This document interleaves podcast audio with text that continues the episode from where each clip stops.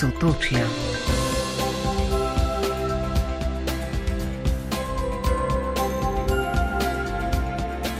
Dober večer, lepo pozdravljeni vsi, ki ste se odločili za družbo rojakov iz sosednjih držav.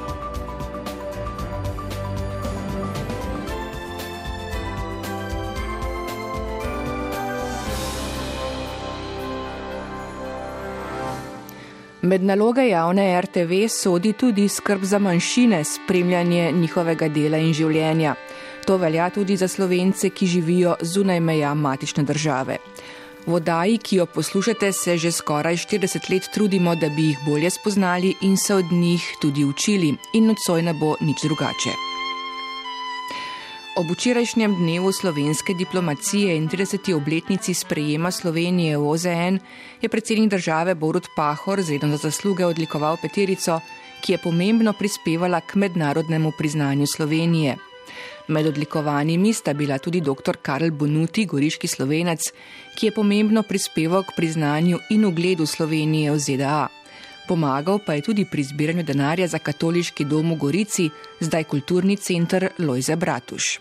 Je vse bilo nemogoče, da bi finančna pomoč prišla, ampak so američani slo, slovenskega porekla, če tudi niso več govorili slovensko, so se čutili vezani in so najprej dali, recimo, je bilo posojilo uradno.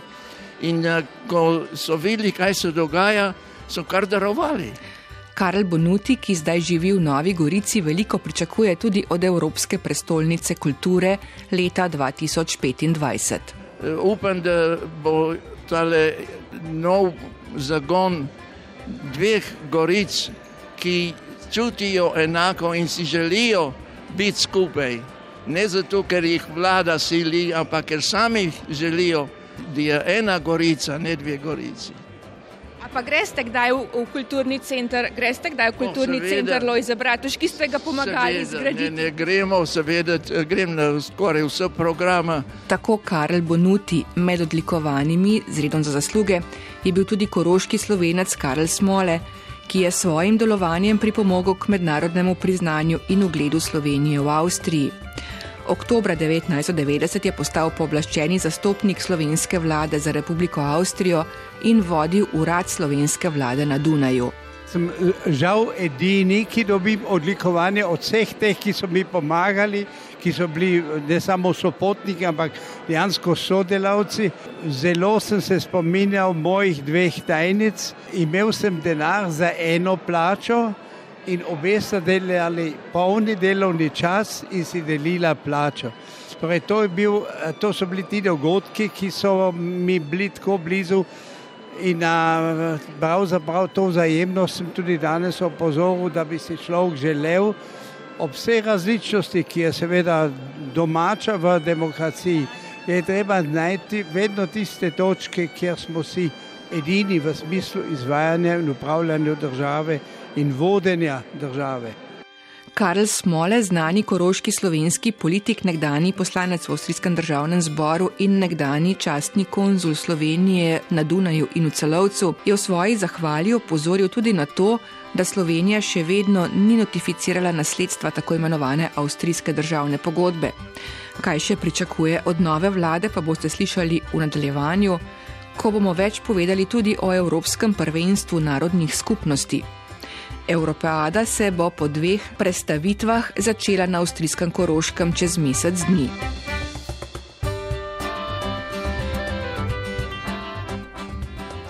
In ko smo že pri priznanjih, porabski slovenec Dušan Mukič je v petek v Budimpešti prejel priznanje Prokultura Minoritatum Hungarije za njegovo vstestransko delovanje v korist slovenske skupnosti na Mačarskem z novinarjem, prevajalcem, pesnikom in glasbenikom, ki slovensko in porabsko ljudsko pesem ohranja v okviru pevske skupine Sombotelske spominčice, se bomo pogovarjali v naši naslednji oddaji. Nocoj pa se bomo posvetili pogledu na porabje z otroškimi očmi, publikaciji nastali pod okriljem Inštituta za narodnostno vprašanje v Ljubljani.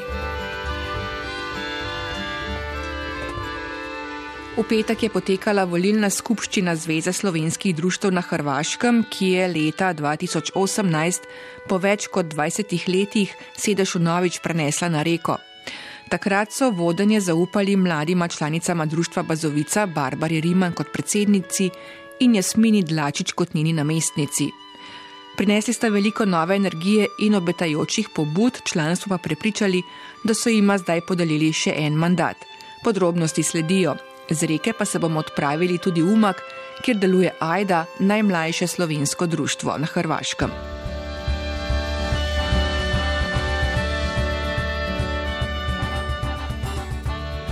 V slovenskem kulturnem društvu Barkovlje so v petek popovdne praznično obeležili 40-letja poimenovanja osnovne šole po Franu Saleškem v Finžgarju, 40-letnico obnovitve delovanja Barkovljanskega kulturnega društva in tudi 400 obletnico izdaje brošure Barkovlje pri nas je bilo lepo.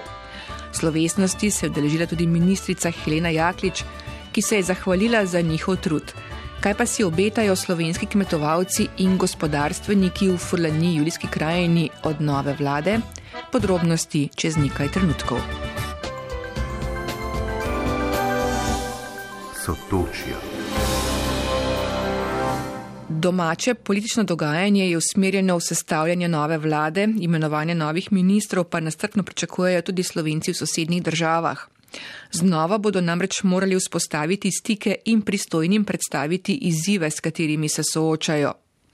Da bi bili pri njihovem reševanju čim bolj uspešni, si seveda želijo podpore matične domovine, hkrati pa poudarjajo, da bi bilo nekatere projekte, ki so jih začrtali z odhajajočo vlado, smiselno nadaljevati. Špela Lenardic se je o pričakovanjih slovenskih podjetnikov in kmetov v Italiji pogovarjala s predsednikoma njihovih združenj. Kmečka zveza že več kot 70 let povezuje in zastopa slovenske kmete v Furlaniji Julijski krajini. Od Kanalske doline pa vse do Mil je v zvezo vključenih okoli 700 članov, največ jih je na Tržaškem. V spredju so vinogradniki in vinarji, olkarji in živinorejci. Svojim delom ohranjajo dragoceno tradicijo, hkrati pa so tudi branilci prostora, na katerem že stoletja živijo slovenci v Italiji. Vlada v odhajanju se je po besedah predsednika Kmečke zveze njihovega pomena dobro zavedala. Franz Fabec si tako predvsem želi, da bi nova vlada ohranila odlične odnose in nadaljevala začetno delo. Jaz mislim, da smo v zadnjih, predvsem desetih letih, vzpostavili odlične stike z ministerstvom. Ministerstvo in skupaj, po mojem, tudi slovenska vlada se je zavedala pomena, ki ga ima kmetijstvo izven slovenskih državnih meja. Mislim, da je bil ta odnos in to, kar smo v teh letih naredili, zelo važno za obstoj naše organizacije, našega kmetijstva. Če smem omeniti, smo ustanovili dejansko eno omizje, v katerih se prepoznavamo vse slovenske eh, zamejske organizacije, to je Agraslomak in uh, si pričakujem in si želim, da bi bilo ministrstvo oziroma novi minister še vedno tako pozoren in pazljiv do agraslomaka in seveda, da nam bi dal to vrednost in veljavo, ki smo jo doslej imeli in izpostavili. Tako da res bi si želel eno nadaljevanje oziroma eno nadgraditev, še nadgradnjo tistega, kar smo doslej delali in izpostavili. Nadaljevanja uspešno začrtanih projektov si želijo tudi v slovenskem deželnem gospodarskem združenju, ki ima več kot 75-letno tradicijo. Če je ob nastanku skrbelo predvsem za slovenske obrtnike, je njihovo delovanje v zadnjih desetletjih usmirjeno predvsem v čezmejno povezovanje. Postali so pomemben most med sosednjima gospodarstvoma. Strokovno podporo nudijo okoli tisoč podjetnikom, ki poslujejo na slovenskem ali italijanskem trgu, saj odlično poznajo obe tržišči in njune zakonitosti. Ker si želijo mladim ponuditi atraktivna delovna mesta in prihodnost v domačih krajih, so z navdušenjem pozdravili idejo o vzpostavitvi posebnega sklada za gospodarski razvoj narodnih manjšin, ki sta ga lani v Rimu napovedala ministra za gospodarstvo. Direktor Slovenskega deželnega gospodarskega združenja Andrej Šik upa, da bo napoved uresničil novi minister. Sklad za gospodarski razvoj manjšin, tako italijanske manjšine v Sloveniji kot slovenske manjšine v Italiji. Jaz mislim, da je ta zadeva za nas prioritetna, zaradi tega, ker smatramo, da manjšina kot manjšina ne more biti folklora, mora imeti tudi eno močno gospodarsko bazo, ki je konec koncev tudi funkcionalna matični državi in da potem z našim močnim članstvom imamo tudi močno organizacijo, ki je potem tudi faktor za pomoč v našem primeru slovenskim podjetjem na italijanskem tržišču. To se pravi, da si mi glede te ideje v tem skladu pričakujemo, da gre naprej in da se ta zadeva konkretizira. Druga zadeva, ki je verjetno za nas pomembna, je pa novo programsko obdobje Italija-Slovenija kjer si od vlade nekako pričakujemo informacije o tem, če so ideje, ki jih mi imamo, projektne ideje, zanimive ali niso zanimive, če si lahko nekako pričakujemo, da so to ideje, ki imajo en smisel, da sploh v to gremo. To je za nas tudi pomembno, glede na verjetno morje projektnih idej, ki bodo predstavljene, tako da samo vemo, če je zadeva tako v interesu italijanske kot slovenske strani. Načrtovanje novega programskega sodelovanja med sosednjima državama pod imenom Interreg Italija-Slovenija za obdobje 2021-2027 se zaključuje. Evropska sredstva so ključna za številne projekte, ki gradijo nove in utrjujejo že obstoječe vezi med sosednjima državama tako na gospodarskem kot na kulturnem, infrastrukturnem in socialnem področju. Za njihovo uspešnost pa je pomembna tudi podpora državnih služb in institucij. In ko smo že slovenci na Tržaškem, slovensko kulturno društvo Barkovlje je praznovalo 40 letja svojega delovanja. In takrat je svojo dirigentsko karelo začela tudi Aleksandra Prtot, ki vodi tudi mešani pevski. Ja,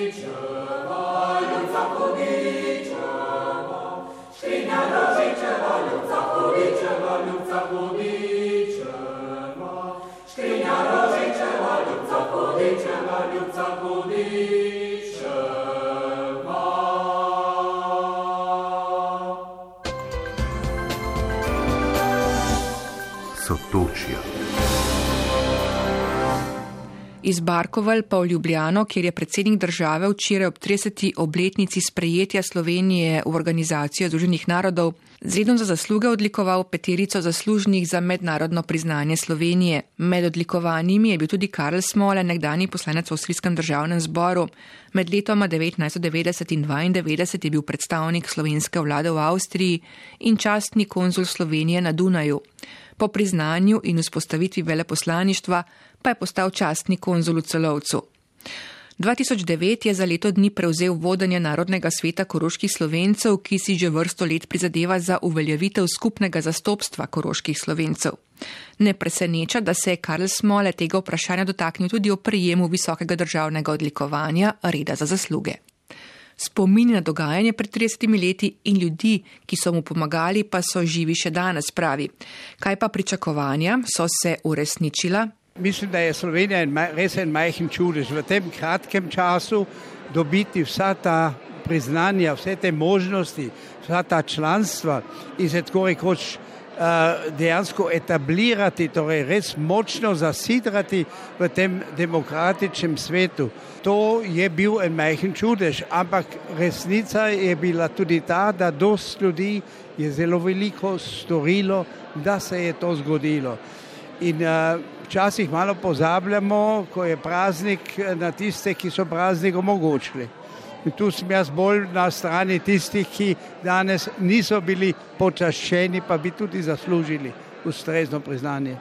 Torej so se v veliki meri pričakovanja glede Slovenije uresničila, kaj pa glede položaja koroških slovencev? Uh, to je pa seveda za nas boleča točka, ker uh, smo si seveda pričakovali od Slovenije in kar tako na glas povem, vsaj toliko angažmaja, kot ga je svoj čas vlagala Jugoslavija. Jugoslavija se je čutila, da je članica avstrijske državne pogodbe da ima odgovornosti zase in tudi seveda za manjšine.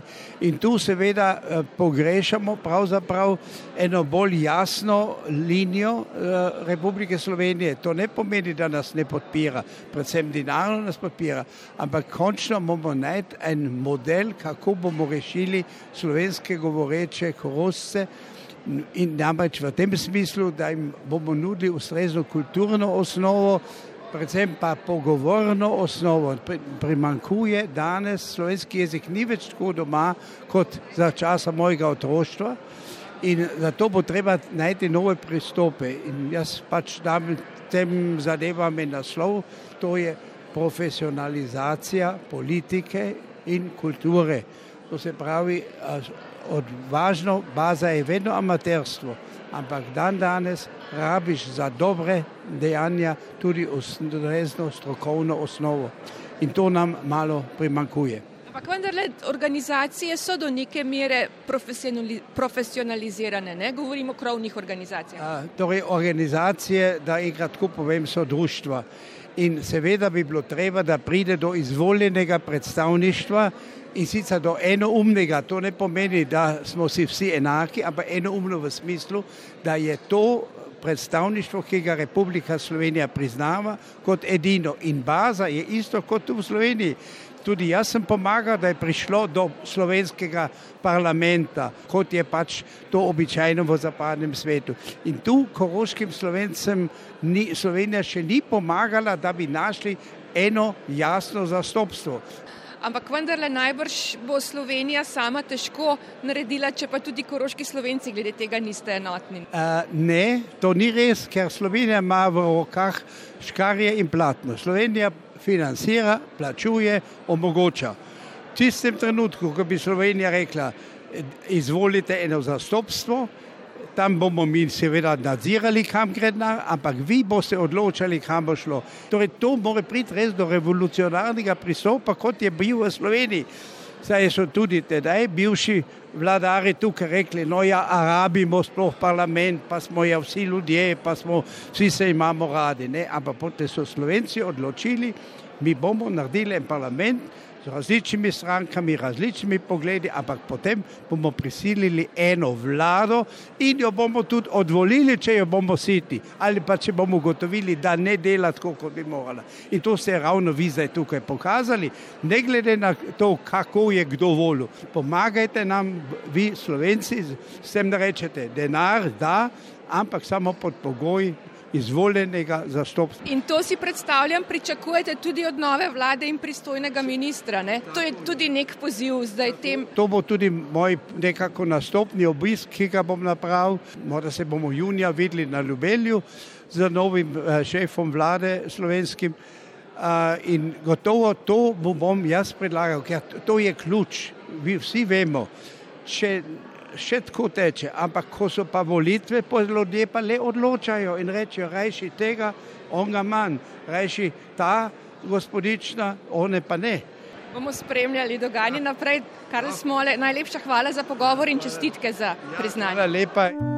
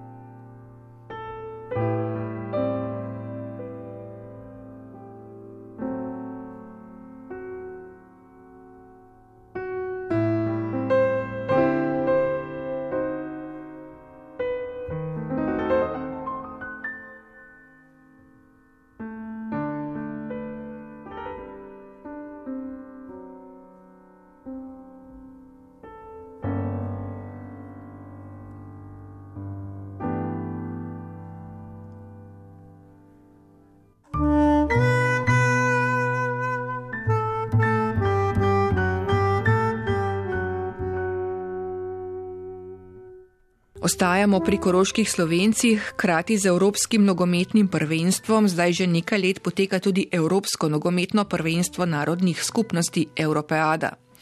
Organizacijo četrte Europeade leta 2020 so zaupali koroškim slovencem. Potem, ko je bilo tekmovanje zaradi pandemije kar dva mesec dni končno lahko izpeljali.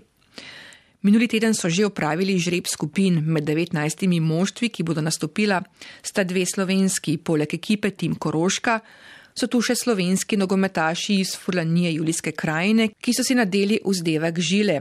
Drugič bodo na Evropeadi nastopile tudi štiri ženske ekipe, eno od njih so sestavile koroške slovenke. Skupaj enkratni je geslo tokratnega tekmovanja, pa bo to Evropeada 2020 ali 2022 predsednik Društva Evropeada Marko Lojbnegar.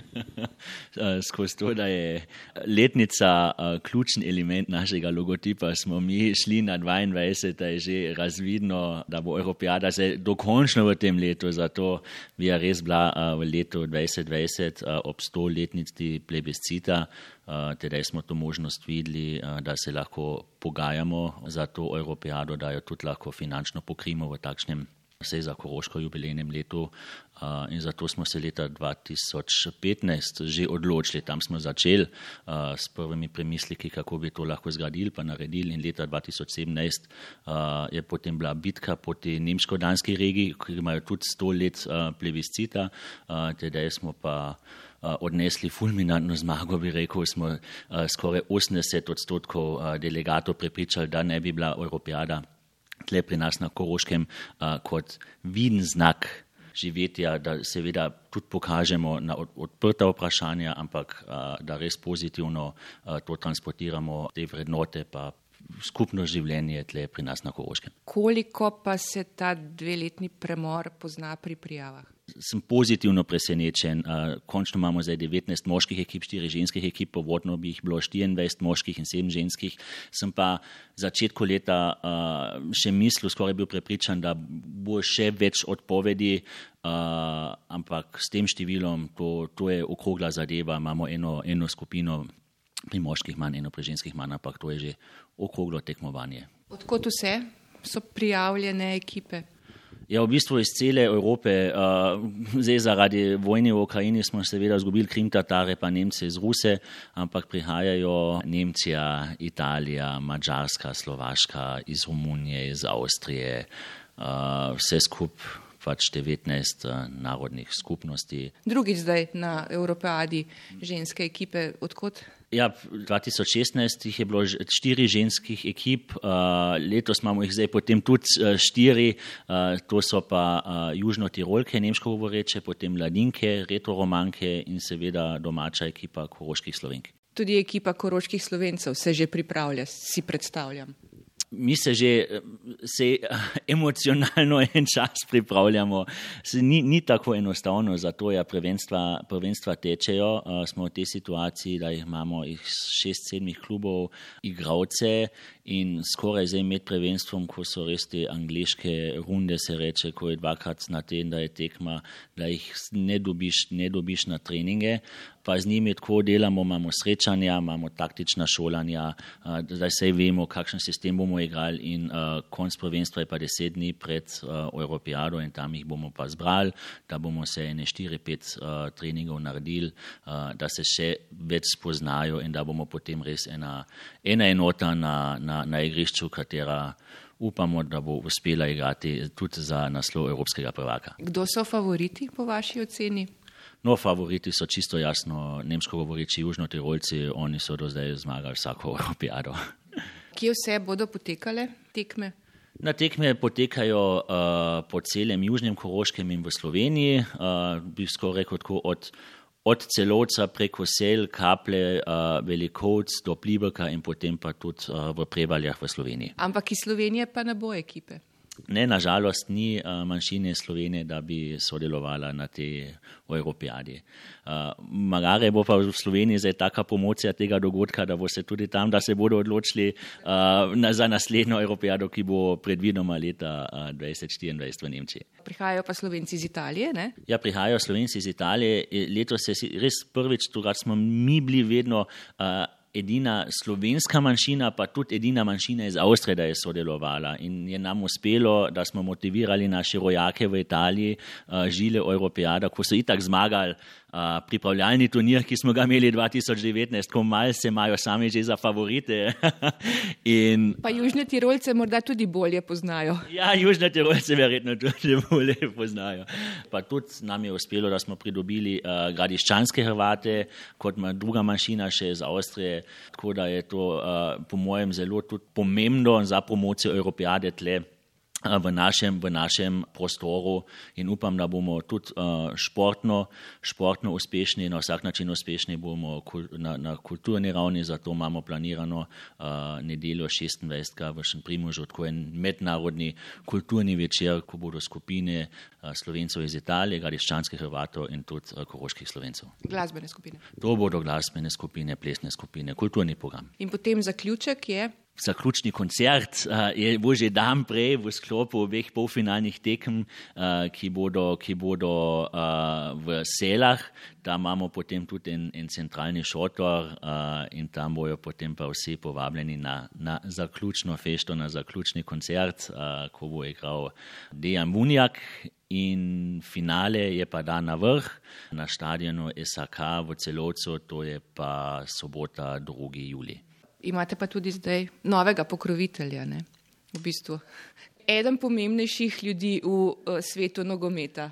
Absolutno, ne samo v svetu nogometa, v celem svetu športa. So predsednik UEFA Aleksandar Čefarin smo imeli zdaj srečo, da smo ga celo že drugič lahko srečali in mu predstavili ta projekt uh, Europeada. Prvič je bil leta 2018 v celovcu v sklopu prijateljske tekme med Avstrijo in Slovenijo.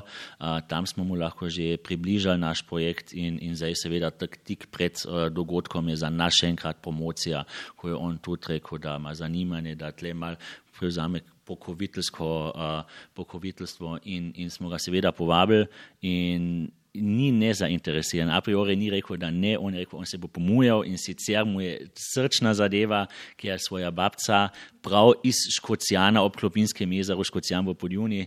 Uh, kjer bodo tudi, ne, ja, prizor, ja, kjer bo tudi prizorišče. Kjer je v bistvu center, tam je, tam je center, tam je ta Evropijada vas, ki smo jo, uh, ki smo jo naredili po, po tem zgledu olimpijske vasi, ko so vsi nastanjeni okrog jezera, ko imamo potem centralne prostore, uh, ko, ko, ko bo potem oskrba, ko se potem vsi vsak dan srečajo in mislim, to je lih to je to srce, naše, srce in duša naše, naše ideje, naše Evropijade, ta interakcija, to druženje, da so skupaj, da imamo na eni strani ta športni part, na drugi strani tudi kulturni program spored, ampak enostavno, da se družijo in da se spoznajo. In mislim, ta ideja je bila tudi zelo všeč eh, predsedniku UEFA in res upam, da bo, da bo otegnil na, na, na, na otvoritev pri tem. Kaj pa kakšno sodelovanje z UEFA? Ja, to je bil tudi, uh, bi rekel, drugi part tega, tega pogovora, zato zdaj na eni strani je simbolična zadeva, zato je Evropijada zdaj na Koroškem res že, že, že, že k malu. Druga zelo pomembna tema je pa bila bodoče sodelovanje, kako povezati FUN kot strešno organizacijo preko Evropijade v UEFA, da enostavno Evropijada kot taka dobi še še višji pomen tudi na športni ravni. Zato to so ja zelo iste vrednote, ki je zastopa FUN, ki je zastopa UEFA, pa pa predvsem tudi, tudi Evropijana kot en povezovalni športni veledogodek uh, v Evropi. Koliko ljudi sodeluje pri organizaciji? To jih je čez, čez to. Mi imamo že vse skupaj 13 prizorišč, potem imamo mi kooperacije z nam, našimi uh, Eh, kulturnimi društvi eh, tam iz okraja, kot je srce iz Doboli vasi, kot je tudi SGSL, kot je tu en Ehdob, tudi športna društva, ki nam pomagajo, da lahko tu izpeljemo te, eh, te safety events, te, to, ta okvirni program, ta spored, ki ga imamo. In potem seveda ta naša ekipa, ko že leta na tem delamo na čelu, Marko Raže, pa jaz kot predsednik društva Evropijada.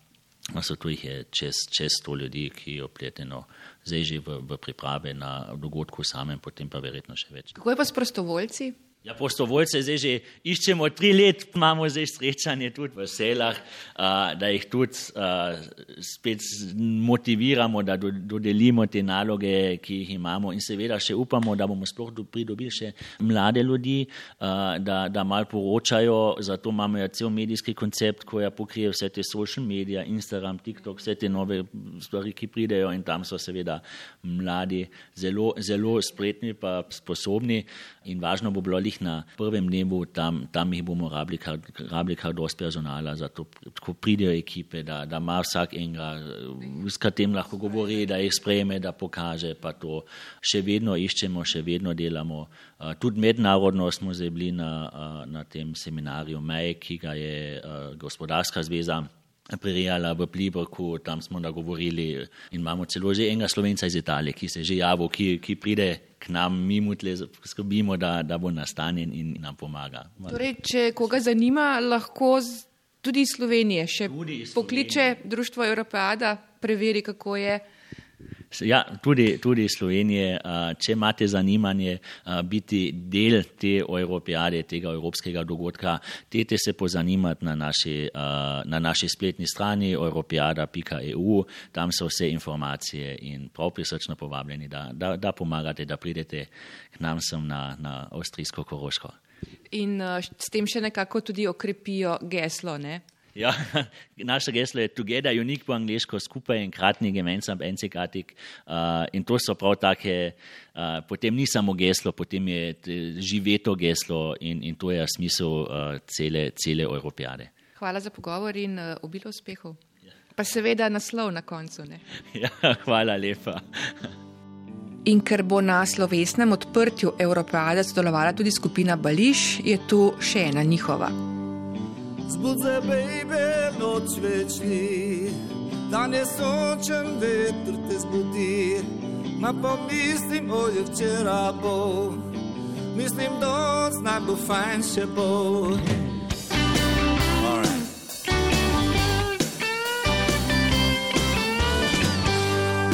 Worauf baby, geh mit mir, die Sonne dober, da winkt so zu mir. Ich denk an früher, poslušný, pokola sam tlo som vždycky. Farsové, farsové, to mi si hodebol prejde.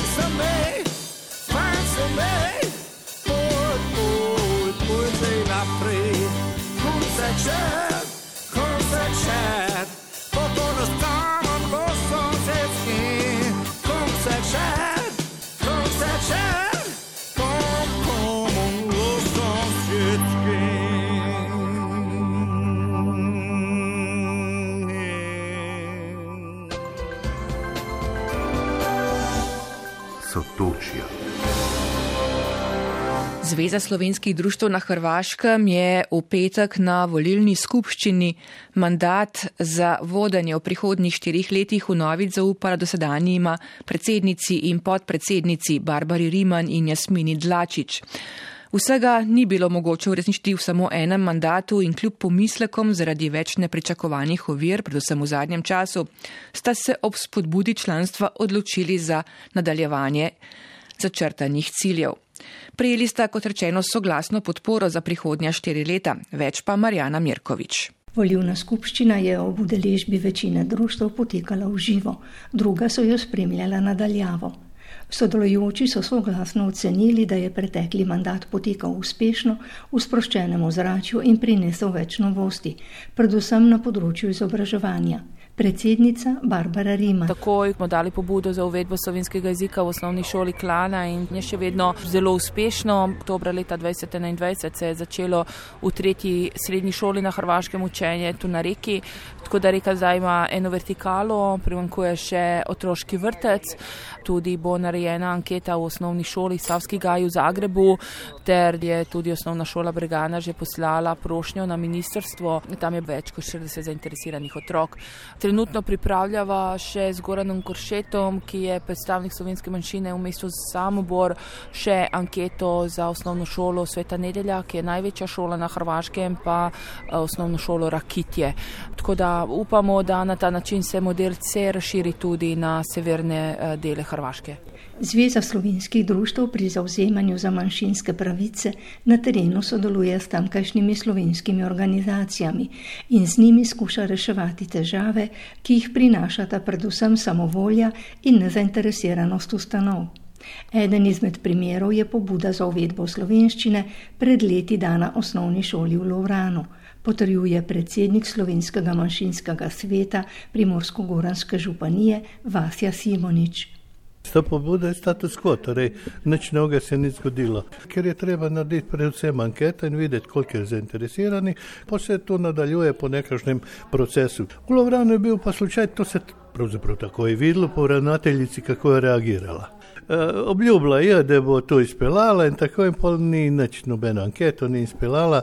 In potem si je pa rekla, da dela na tisti neki svet, ki imajo pri šoli, da, so oni rekli, da se bož, da imajo italijanščino kot pa slovenščino. Torej, stvar je ravnatelja, ali mu se ljubi ali ne.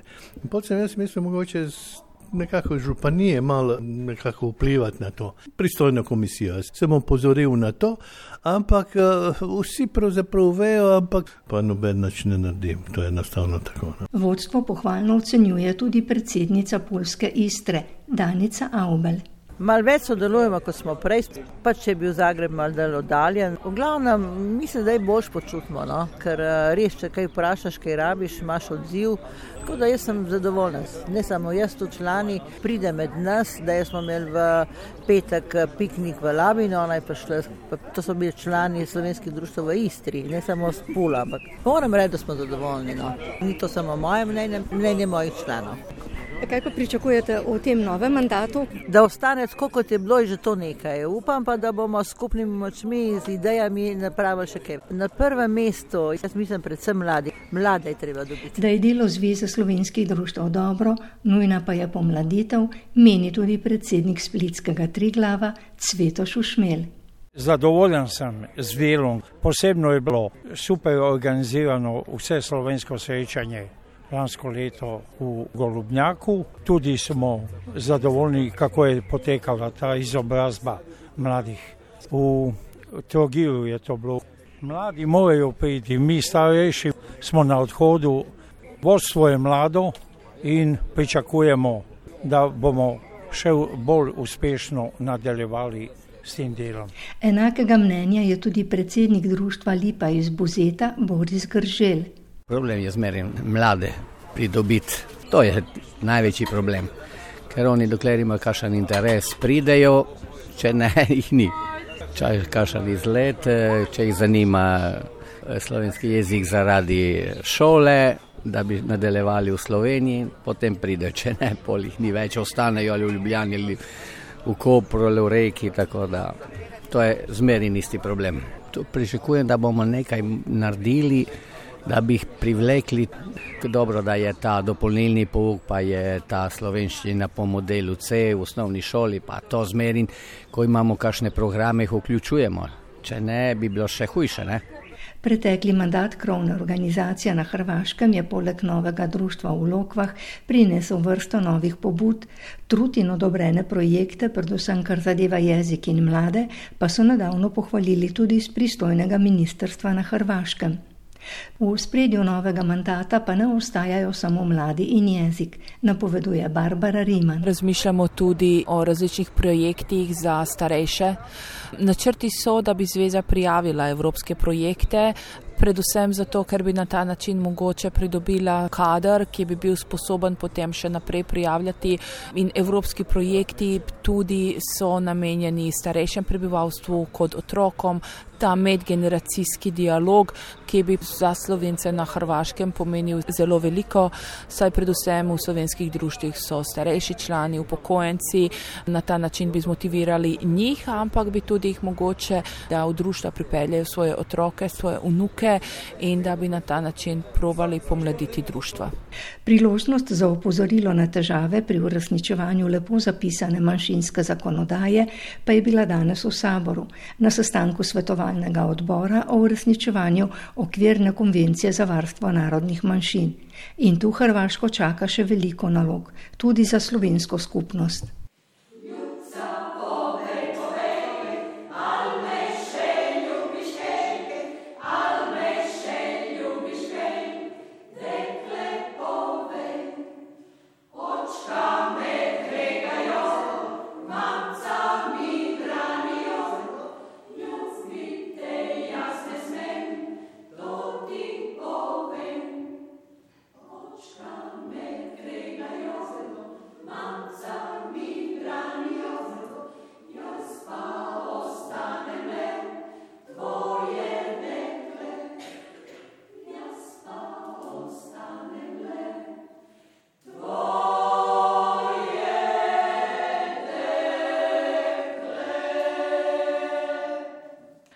Tako je marca leta 2017 v okviru revije Primorska poje nagrado Dobrovo zapel ženski pevski zbor Ajda iz Umaga.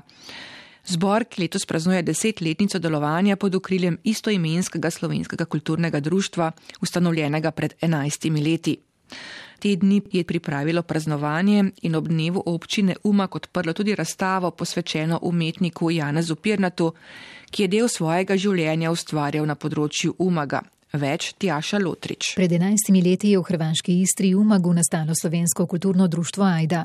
Društvo ohranja skrb za slovenski jezik, uveljavilo pa se je tudi v kulturnem življenju mesta in okolice. Predsednica društva Danica Bojkovič. Naše delovanje že od samega začetka je zelo dobro, zato ker imamo zelo dober odnos z oblastmi mesta, mestne občine Umag Umago, ki nam pomagajo ne samo finančno, ampak tudi vsem, kar jim je na razpolago. Se pravi, lahko koristimo vse njihove prostore, kjer vadimo knjižnico, kjer imamo razna dogajanja, čeprav nam je poslovni prostor mal majhen, ampak je lokacija izredna. Pomemben je tudi pouk slovenskega jezika, ki ga peljete tudi že od samega začetka. Tako je, to je najbolj pomembno pravzaprav. Že od samega začetka smo imeli tečaje slovenskega jezika, potem smo šli na dopolnilni pouk, od lanskega leta imamo pa tudi pouk po C modelu v osnovni šoli Marije in Line. In to lahko rečem, da je letos kar 18 otrok zahtevalo ta pouk. Mi smo tle na meji, praktički imamo 12 km do meje, e, naši ljudje tukaj imajo veliko sosedov, veliko e, prijateljev na onstraj meje in tudi naši učenci zelo radi hodijo v srednjo šolo v Slovenijo ali pa na fakulteto. Pandemija je v dveh letih okrnila nekatere dejavnosti, ki ste jih imeli v društvu, se zdaj ponovno vračajo. S čim se vse ukvarjate v društvu? Poglejte, tako res je to eh, zelo, zelo bilo okrnjeno, sedaj se spet vračamo in poskušamo spet eh, priti v tisto delovanje, ki smo ga imeli pred pandemijo. Se pravi, začeli so delovati in zbor, in folklorna skupina, in gastro skupina, literarna skupina, prav vsi počasi začenjamo skupaj z našimi člani. V društvu je že deset let dejaven zbor Ajda, pevk je trenutno nekaj čez 20, pove zborovodkinja Vesna Car. Začelo nas je pa šest in nekako vsako leto nas je vse več. Pojemo po Sloveniji, po, bili smo v Sarajevu, v Tuzli, v Splitu, vse povsod. Pojemo eh, stare slovenske ljudske pesmi, nas to uh, spominja in na rojstni kraj in na Slovenijo, čase, ki so nam ostali v lepem spominu. Ob dogodkih, ki jih organizira društvo, ne manjka tudi dobrot, ki jih pripravijo članice gastroskupine. Vodijo Monika Leonida Vračar. Moramo še malo popestriti z našo kulinariko, da se spomnimo, kaj so naše babice kuhale, pekle, pa da bomo videli, znamo mi to še ali ne. Pripravljamo naše slovenske jedi. Imamo tudi recimo zelo zanimivo eno srečanje na Učki, kjer vsako društvo iz Istre pripravi eno slovensko jed. Kaj vam pomeni, da ste del eh, tega društva? Predvsem nekako ne počutiš se, da si tukaj uh, nacionalno sam. Imaš uh, in uh, v knjižnici knjige, skopra pride ta bibliobus, ne, pogovarjaš se v svojem jeziku. V Ajdi so 11 let delovanja obeležili najprej z odprtjem razstave opusa grafik Jane Zapirnata. O njegovem delu je akademski slikar Rok Zelenko povedal. Kipar Pirnat je pol stoletja delal na področju umaga in ima en lep opus kiparskih stvaritev in skulptur večjih, ki so tukaj še vedno po hotelih, po parkih in tako dalje. Tukaj je pravzaprav zbirka njegove hčirke in njenega soproga Nine in Besima Spahiča, ki jim je on poklonil, to je ciklus Meduze, ciklus grafik, ki je nastal leta 1982. Kipi so bili delani namensko za razne hotele, ker je on šel stran pred desetimi leti, je v bistvu se ta dokumentacija zgila, jo ni več in jo moramo zdaj obnoviti in v bistvu se zelo zahvaljujem slovenskem društvu, da je imelo posluh, ker je odobrilo sredstva, da bo ena študentka umetnosti zgodovina to delo opravila in da bomo končno vedeli točno, kaj vse je tukaj. Obletnice društva Aida so se udeležili številni gostje. Župan Umaga Vili Basaneze. Mi smo prije svega grad raznolikosti. Mi smo predvsem multikulturno mesto, raznolikost je tu bogatstvo, ne problem. Aida je primer, kjer ohranjajo svojo identiteto, hkrati pa bogatijo prostor, v katerem živijo. Zato je potrebno imeti širino, razumevanje in dobro voljo. Razumevanje, širino in dobro voljo. Ministrica za slovence v zamejstvu in po svetu Helena Jaklič je podarila pomen društva pri ohranjanju jezika in vezi z lokalnostjo lokalno skupnostjo. Skušajo tudi približati svoj, vse svoje življenje, to kulturno življenje, tudi bližnjim sosedom. Se mi zdi, da je to res eh, velikega pomena, ker ruši tudi mogoče kakšne predsotke, kakšne stereotipe, rojeva prijateljstva. Ob tej priložnosti in v sodelovanju s forumom Tomica je v Umagu gostovalo še slovensko stalno gledališče iz Trsta s predstavo Meje sneženja. Sotočja.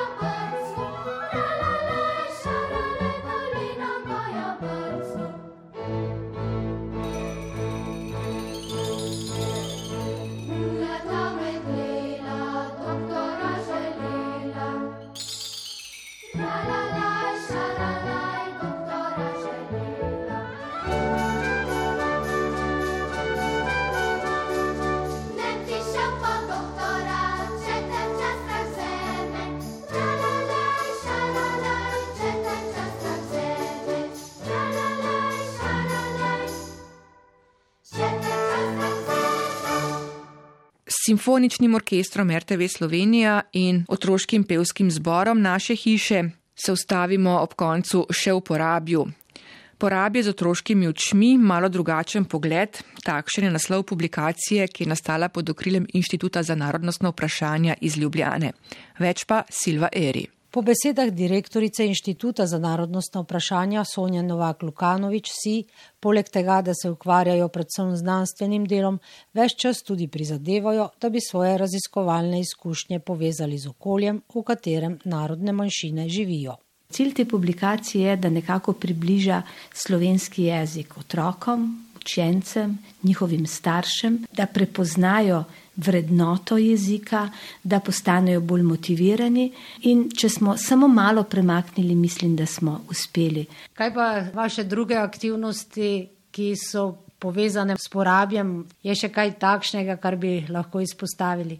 Porabje in raziskovanje porabskih slovencev je sicer zelo, bom rekla, področje, ki ga inštitut vsa ta leta raziskuje, gradi, dograjuje. Trenutno smo se nekako usmerili predvsem v Eh, ohranjanje, vitalnost slovenskega jezika in vse, karkoli delamo, delamo v cilju revitalizacije slovenščine in tudi porabščine, da bi pač slovenščina oziroma porabščina ostala tudi v družini, da bi, bi obstal ta medgeneracijski prenos. Eh, čeprav šola, jezik je samo eden vidik, eh, mi si želimo še raziskovati tudi druge družbene vidike, kaj se dogaja v porabju, kakšna je mobilnost, kdo so študenti, ki študirajo v Sloveniji, kaj študirajo, kakšni so njihova pričakovanja, njihove ambicije ali vrnitev ostati. Sveda radi bi tudi družbeno-ekonomski vidik porabe in porabskih slovencev. To, da uh, za vse to seveda je potrebno tudi pridobiti projekte in tudi človeške vire, ki bodo raziskovalci to počenjali. Pomembno vlogo pri pripravi publikacije z naslovom Porabje z otroškimi očmi je imela o pomoči drugih učiteljic in vzgojiteljic asistentki Slovenije, višja svetovalka za šolstvo slovencev na mačarskem Valentina Novak. Ideja je bila, da bi na nek način predstavili porabje, torej porabje z otroškimi očmi, in potem smo skupaj zastavili kaj in kako, povabili učitelje, z njimi seveda učence, jih motivirali in potem smo prišli do tega, da smo dobili kar nekaj zanimivih spisov, zanimivih zgodb in jih dali in povezali v tako skupno publikacijo, ki je namenjena prvotno učencem. Torej učencem, ki živijo, ki hodijo v dvojezični šoli, hkrati pa je namenjena tudi slovenskim učencem, ampak prvotno tistim, ki so tukaj. Torej, učitelj je lahko publikacija v pomoč, lahko je neke vrste dober didaktični pripomoček, je tudi lahko motivacijski pripomoček kot didaktično gradivo, s pomočjo katerega lahko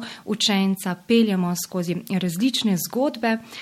Torej, sama publikacija ima sedem različnih poglavi, dotaknemo se jezika, dotaknemo se zgodb, same razlage, kje je porabje, kaj je porabje, samo porabščino, torej jezik kot tak, potem pa zgodbe posameznih učencev. Opredeljujemo oziroma opišajo se tudi šege, navade, navade, porabske jedi in veliko, veliko vsega, kar je povezano s šolskim prostorom in učenci, ki v njem delujejo.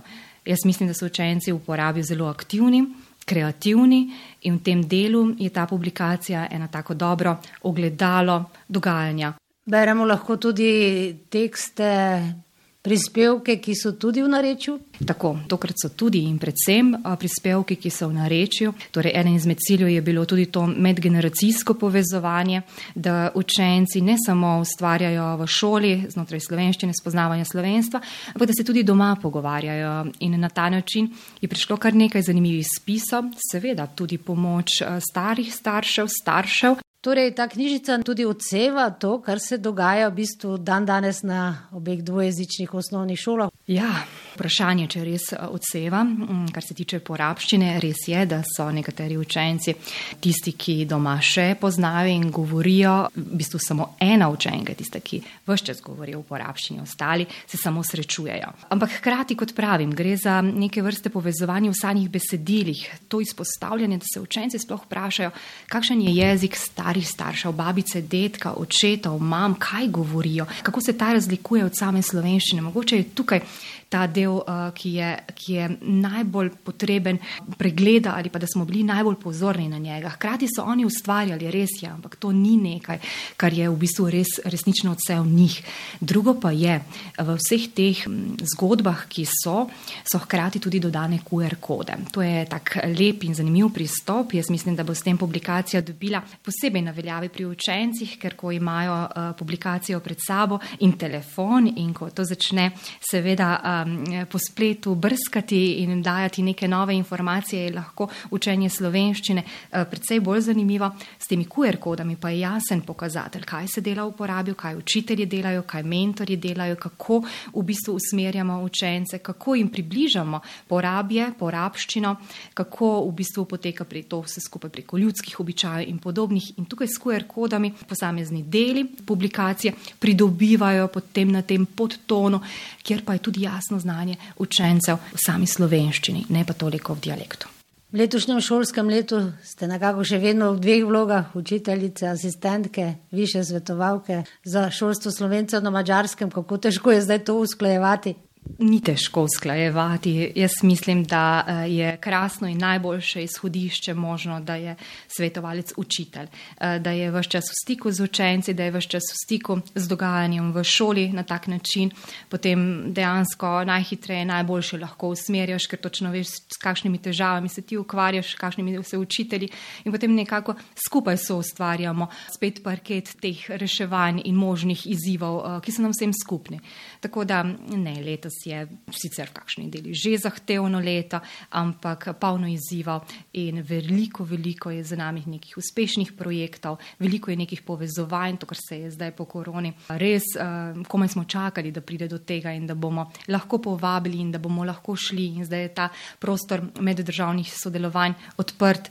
In v tem delu, kot svetovalka Zavoda Republike Slovenije za šolstvo, mislim, da lahko veliko pripomorem, uh, usmerjam in hkrati učencem in mentorjem, učiteljem uh, marsikaj ponudimo. Pred dnevi ste se skupaj s predsednikom državne slovenske samouprave srečali, se stali, se stankovali z obema ravnateljicama dvojezičnih osnovnih šol. Pogled pa je bil uperjen že tudi v novo šolsko leto. Točno tako. Dobili smo se, pogovarjamo se, kaj in kako, uh, vidimo, kakšni so izzivi, vidimo, kje uh, imamo določene primankljaje, kaj lahko naslednje leto načrtujemo boljše, kako naprej usmeriti novo šolsko leto, da bomo res kar se da složni, da boste obe šoli na podoben način delovali, usmerjali, kar se tiče seveda slovenščine in te to vrstne jezikovne politike in da bomo v tem delu skupaj prišli do čim višjega oziroma čim boljših rezultatov. Šolsko leto se počasi približuje k koncu, na mačarskem ponavadi to prej kot v Sloveniji. 15. junija bomo tukaj končali. Ja, zaključujemo, hkrati pa porabje tudi v tem povezavi. Zavod bo nudil učencem veliko nekih dejavnosti, ki bodo povezani z jezikom v času počitnic, kar nekaj taborov se bo odvilo, tudi jezikovne počitnice bodo od 15. augusta do 20. augusta s učenci potujemo v Fieso. Verjamem, da bodo lepe, da bodo tople in hkrati jezikovno barvane. Če poudarila Valentina Novak.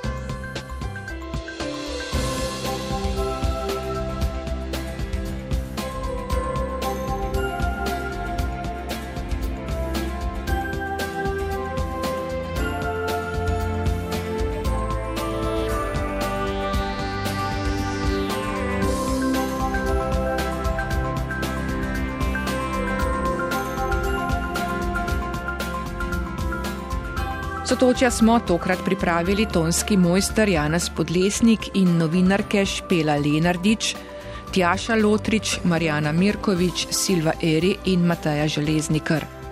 Vedno znova nas lahko poslušate na spletni strani prvega programa, kjer med oddajami poiščete sotočja. Lahko se naučite na podcast ali nas najdete v RTV-jevih spletnih arhivih. Srečno in nasvidenje do prihodnje oddaje. Sotočja.